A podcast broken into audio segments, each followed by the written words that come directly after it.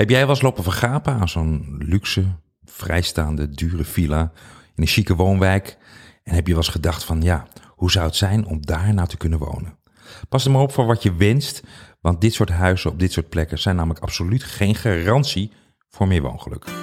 De Sleutel naar Woongeluk podcast gaat over de kunst om van je huis een echt thuis te maken.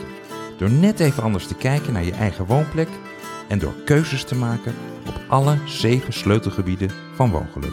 Ik ben Mark Theeuwissen en ik geloof dat een gelukkig leven begint met een goed thuisgevoel. Vandaag ga ik jullie ook uitleggen dat hoe luxe, duur of groot je huis ook is, dat de gelukseffecten daarvan eigenlijk echt minimaal zijn. Ze hebben meerdere onderzoeken al uitgewezen dat meer welvaart niet automatisch leidt tot meer geluk en dat mensen met geld eigenlijk net zo goed ongelukkig kunnen zijn en soms zelfs juist daarom meer redenen hebben om zich zo te voelen. Daar ben ik als makelaar natuurlijk zeker niet antimaterie, dat zou ook een beetje vreemd zijn. En ik kan best genieten van een mooi huis op een prachtige locatie. Maar we moeten ons realiseren dat het niet de prijs of de grootte van het huis is die ons gelukkig maakt, maar vooral in hoeverre dat huis ook aansluit met wie je daadwerkelijk bent of hoe jij je leven ook wenst te leiden. Dat bepaalt uiteindelijk in hoeverre we ons gelukkig kunnen voelen op de plek waar we wonen. Daarvoor ga ik vandaag in gesprek met Andres Wiegel. Die is jarenlang in het gooi in Laren en Blariken makelaar geweest. En heeft vele grote, dure en luxe panden voor opdrachtgevers mogen verkopen en aankopen. En nu hij daar een aantal jaar afstand van heeft genomen, omdat hij een aantal jaar al uit de makelaardij is, wil hij vandaag zijn lessen met ons delen over wat hij geleerd heeft over hoe je, kan, uh, hoe je gelukkig kan wonen, ook in het gooi. Uit vele onderzoeken blijkt dus dat de relatie tussen materie, geld en inkomen en geluk steeds tot dezelfde conclusies leiden. En dat is zodra iemand voorzien is in zijn basisbehoeftes, er een duidelijke wat ze dan noemen afvlakking plaatsvindt van het effect van dit inkomen op hun geluk. Met andere woorden, meer welvaart leidt automatisch niet tot dezelfde hoeveelheid meer geluk. En dat heeft eigenlijk een aantal redenen. Het eerste wat je dan vaak tegenkomt is wat ze dan hedonische adaptatie noemen. Eigenlijk alles wenten. Um, dat heeft vaak ook te maken met meer luxe. Meer luxe, daar wen je eigenlijk heel erg snel aan. Een groter huis, een nieuwe baan met meer salaris of een luxe auto. Ja, we kunnen niet ontkennen dat dat in de eerste instantie natuurlijk ons snel meer plezier geeft. Hè? En ons zelfs misschien ook wel meer gelukkig gaat voelen. Alleen, wat blijkt nou? Dat gevoel, dat duurt echt maar even. Na een aantal weken merk je dus dat ook dat weer wint. Een nieuwe auto is leuk de eerste, de eerste paar dagen dat je hem eh, op de oprit hebt staan. Maar na een maand stap je toch gewoon gedachteloos de auto in, start je ermee rijden weg. En dan maakt het dus eigenlijk niet zoveel uit uh, ja, of je auto nou van 10.000 euro of van 110.000 euro hebt. Je bent eigenlijk alweer snel gewend aan de situatie. En zo zie je dat vaak mensen met meer salaris, meer inkomen, hun uitgavenpatroon ook weer heel snel aanpassen aan dit nieuwe salaris. Kortom, de mens heeft de gave om heel snel te wennen aan allerlei veranderingen in zijn leven. En dat gebeurt zowel positief als negatief. Positief is er veel onderzoek gedaan naar mensen die bijvoorbeeld um, de loterij gewonnen hebben en dan denken van, nou, nu gaat mijn leven ten positieve veranderen. Hartstikke blij ermee. Een geluksgevoel gaat initieel heel erg omhoog. En na een paar maanden komen ze erachter dat, ja, mijn vrienden zijn eigenlijk niet mijn vrienden. En uh, ik ben eigenlijk bang om het te verliezen of kwijt te raken. Ja, en dan zie je dat het gewoon weer, ja, dat ze weer terugzakken naar het initiële geluksgevoel. En dat die, uh, ja, die, die gewenning van het meer geld eigenlijk uh, zorgt dat ze ja, ook steeds meer hogere verwachtingen hebben je went in de positieve, uh, maar gelukkig wennen we ook in het negatieve. En het negatieve is bijvoorbeeld als iemand tegenslag heeft, iemand, iemand verliest zijn baan of wordt ziek. En dan zie je dus dat het omgekeerde ook waar is. Dat hoewel je initieel misschien heel erg ongelukkig of heel wat naar of down voelt, dat uiteindelijk daar ook een soort gewenningsperiode in zit. En dan blijkt opeens dat je allemaal lieve mensen om je heen hebt. Dat je toch sterker bent dan je gedacht hebt. En zo blijken dus daarna, na negen maanden, dat de meeste mensen persoonlijke tegenslag alweer te boven komen. En dat noemen we dan veerkracht. Hedonische adaptatie is dus met andere woorden dat mensen gave heeft om te wennen aan een nieuwe situatie. En dat is een van de redenen waar meer, groter en luxer ons eigenlijk niet meer geluk gaat brengen. De tweede is omdat we de neiging hebben om onszelf te vergelijken met onze buren, met onze vrienden, met onze collega's om ons heen. We noemen dat sociaal vergelijken. En we komen er eigenlijk altijd wel achter dat er iemand is die net iets meer heeft. Net meer vierkante meters woonoppervlakte, net een luxere auto, net meer tuin. Ehm, ja, en voor je het weet, ja, dan eh, ben je misschien uh, gevoelig voor een lichte vorm van afgunst of jaloezie. En dan zie je dat er van ons initieel verhoogde geluksgevoel dan ook weinig overblijft. Ik had het net al over, ja, wat als je dan het dan eenmaal hebt. Ja, je kan natuurlijk ook een bewaker van je bezit worden. Hè? Dus het, uh, dat zien we natuurlijk vaak bij grote woningen, luxe woningen. Dat mensen grote hekken om hun huis heen zetten. Bang voor inbrekers of bang voor uh, mensen met kwade bedoelingen. En het blijkt dus, dat noemen ze verliesaversie, dat ons geluksgevoel hard achteruit gaat omdat we bang zijn om iets te verliezen. Dus de angst voor verlies weegt dan zwaarder tegen de blijdschap van ja, meer groei van inkomen, meer woonruimte. Als laatste, dat vond ik wel heel grappig, is dat meer en luxe ook ons extra schuldgevoel kan geven. Dat je eigenlijk woont waar je, waar je wil wonen. Je, hebt alle, je kan alles kopen wat je hartje begeert. En dan blijkt dat je alle reden zou moeten juist om je happy te voelen. Maar dan ben je dat niet. Ja, dan voel je je extra schuldig. Dus zo zie je dat meer inkomen, meer bezit uiteindelijk ja, niet tegelijkertijd ook betekent dat je meer geluk naar je toe trekt. Nou, we gaan nu luisteren naar Andres Wiegel. En Andres Wiegel die gaat ons vertellen wat zijn ervaringen zijn als makelaar in het gooi. Is het niet raar dat we graag naar programma's als Gooise Vrouw kijken? Dat we ons vergapen aan de luxe woningen die we zien in bladen als De Quote. En dat er websites bestaan waarbij we de huis van de bekende Nederlanders kunnen kijken. Het lijkt wel of we allemaal interesse hebben in hoe de rich en famous wonen. Uh, maar betekent dat ook meteen dat ze zich ook gelukkig voelen? Ik zit hier met Andres Wiegel. Andres Wiegel is jarenlang makelaar geweest in Laren. Heeft eigenlijk heel lang gewerkt tussen wat we dan de miljoenen villa's noemen.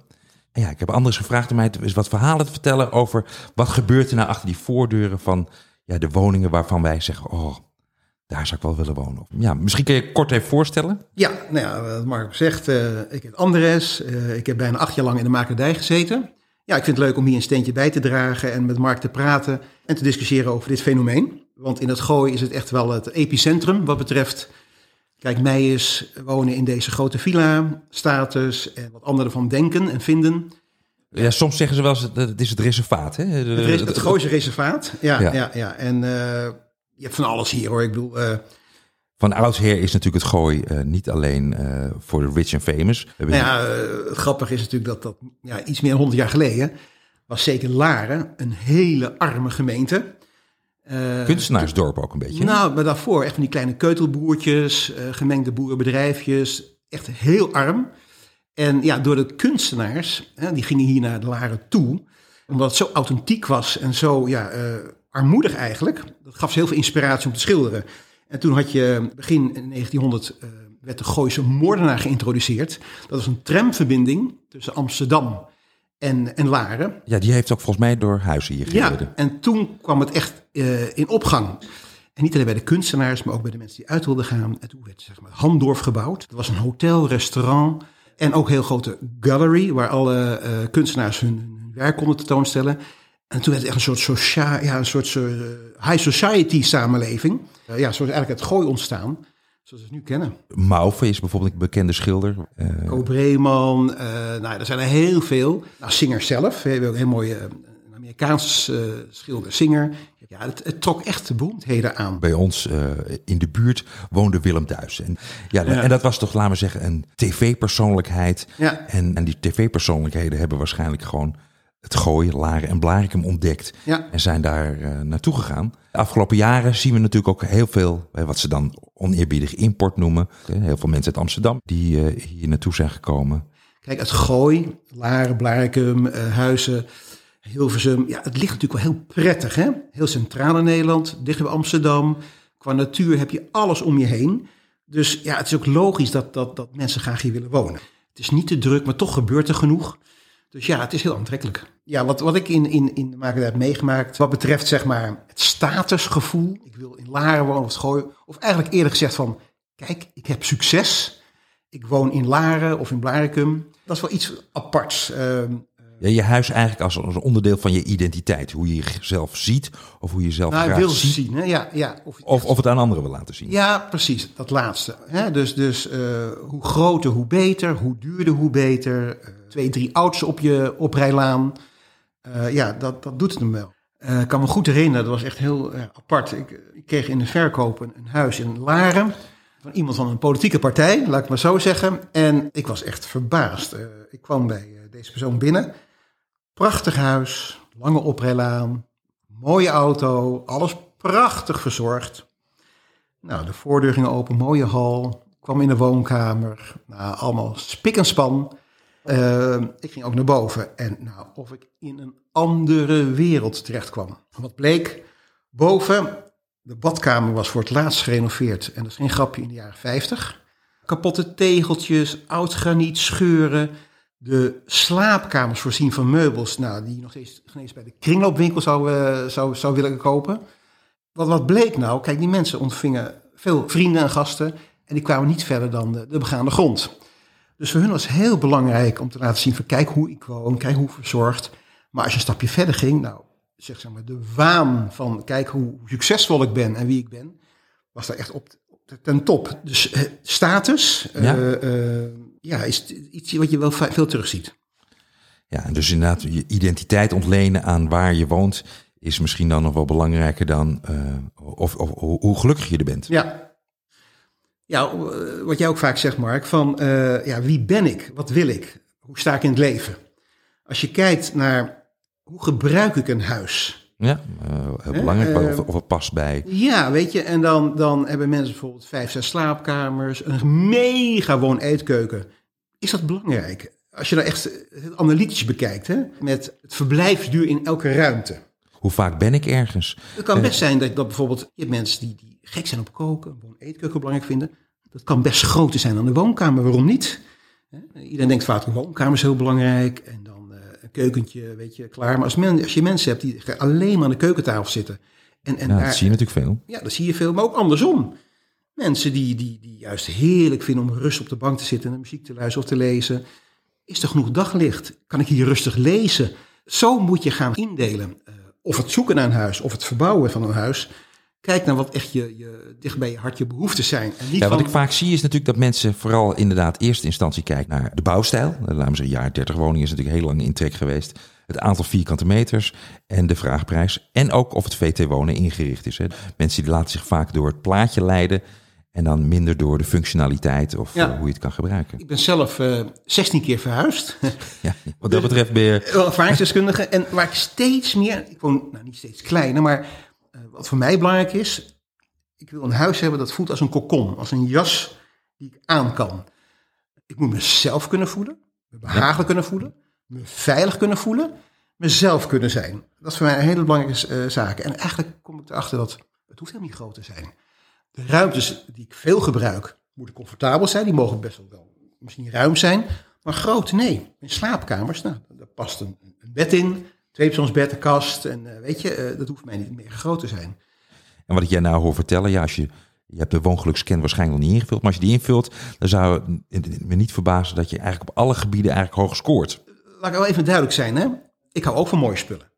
En sfeer. Hè? Je sfeer vind ik heel belangrijk. Sfeer is een van de belangrijkste dingen in een huis. Ja, dus met andere woorden, eh, we hoeven ook ons niet te keren tegen de luxe. Nee, en- bijvoorbeeld de en- jaren en- 30. Ik kan heel goed begrijpen, in die tijd werd het wel gebouwd met een andere idee, weet je. En, en, en, en, en die sfeer spreekt nog enorm aan. En nogmaals, als iemand houdt, ik noem wat, van, van, van mooie meubels, eh, kunst, wat een hoop geld kost natuurlijk. Als je daarvoor leeft, het meest belachelijk eigenlijk, je ziet op heel veel van die grote Gooise villa's de bekende vleugel in de hoek staan. Ah, ja, ja, ja, En als je dan vraagt, spelen ze piano? Nee.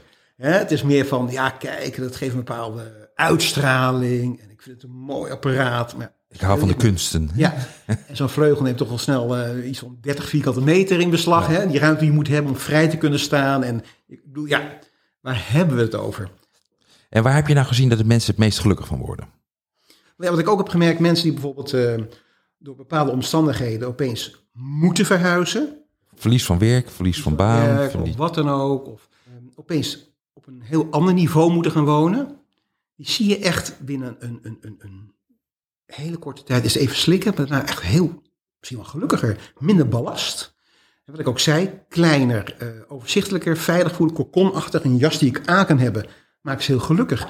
Het gaat echt om, om de sfeer. Die, eh, en ik ben van mening, waar we ook moeten wonen, altijd de sfeer die wij zo behagelijk vinden, zo prettig vinden, kunnen we overal in terugvinden, in, in terugbrengen. Of het nou een 100 vierkante meter is of 300 nou, vierkante eh, meter. maar of het nou een, een, een jaren 50 woningje is, een appartementje, groot of klein.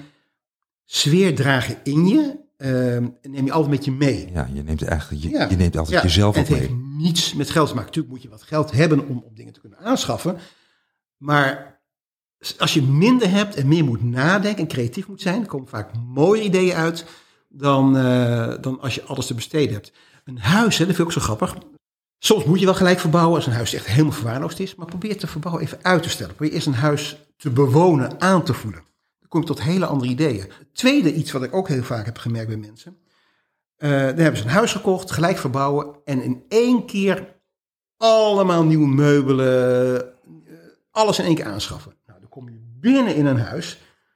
Het voelt kunstmatig. Een showroom. Het is net of je een meubelboulevard binnenloopt. Het is net of, of je te gast bent. Al, alles is vernieuwd, alles is nieuw. Maar nogmaals, probeer niet een huis helemaal te vernieuwen in één keer. Voel het aan en combineer stukken van jezelf, of van je familie of iets ouds met iets nieuws. Ja, dat, maar dat is natuurlijk persoonlijk, maar dat, dat, ja, daar hou ik wel van. Ja, dus eigenlijk zeg je van, dan maakt het niet uit of het huis nu in Laren, Blaakem of waar dan ook staat. Maar zoek een huis waarbij je past. Ja, Meer dan eh, een huis waar, wat, je, wat je koopt om misschien indruk te maken op anderen. Die past misschien bij het beeld wat je aan de buitenkant wil voor laten anderen, hè, snap je? Van, nee, jij woont er en niet de anderen. Ja, Met andere woorden, dan kan je dus gewoon gelukkig zijn in het gooi. ja precies. Dankjewel, Dres. Graag gedaan. Dus samenvattend kunnen we stellen dat er eigenlijk geen echt verband is tussen de waarde van je huis en je mogelijke woongeluk. En dat jouw beste huis misschien wel het huis is wat het beste past bij jouw huidige levensinvulling. En dat met een huis kopen voor de buitenwereld en steeds meer of groter willen wonen, omdat je hoopt dat je daar gelukkig van wordt, dat je daarmee eigenlijk het risico loopt om het tegenovergestelde te bereiken. Daarom heb ik nog een laatste tip voor woningzoekers. Koop nooit het duurste huis in de straat, want dan ben je misschien het mikpunt van de afgunst van anderen. Maar koop ook nooit het goedkoopste huis in de straat, als je weet dat je zelf snel last hebt van jaloerse gevoelens. Zoals je misschien al begrepen hebt, is financiën, de woonfinanciën, slechts één van de zeven gebieden die je woongeluk bepalen. Wil je nou een compleet overzicht hebben, dan nodig je je uit om de woongelukscan in te vullen en het e-book te downloaden om daarmee een eerste start te maken aan het vergroten van je eigen woongeluk. Heb je nou nog een vraag? Schroom dan niet mij een eh, berichtje te sturen, een mailtje te sturen. En eh, ja, dan dank ik jullie voor, eh, voor het luisteren naar deze podcast.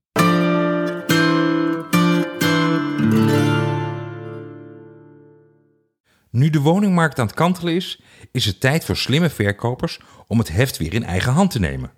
Om de juiste kijkers aan te trekken en van hen ook goede kopers te maken, heb je een doordachte marketingstrategie nodig met een onderscheidende presentatie. Je huis alleen maar even snel op funda zetten is niet langer voldoende. Mijn boek Je huis verkoop je zo is jouw ultieme gids om je woning succesvol te verkopen. Met een compleet stappenplan en waardevolle verkooptips en tricks van een makelaar met meer dan 20 jaar ervaring. Ontdek hoe jij jouw ideale doelgroep bereikt en daarmee je verkoopkansen vergroot. Leer hoe je een juiste vraagprijs bepaalt, een emotionele klik creëert tussen potentiële kopers en je huis en hoe je professioneel onderhandelt. Als jij serieus aan de slag wil met de verkoop van je appartement of woonhuis, bestel dan nu je huis verkoop je zo via de link in de show notes en word baas over je eigen verkoopproces. Met succesvolle verkoop als het resultaat.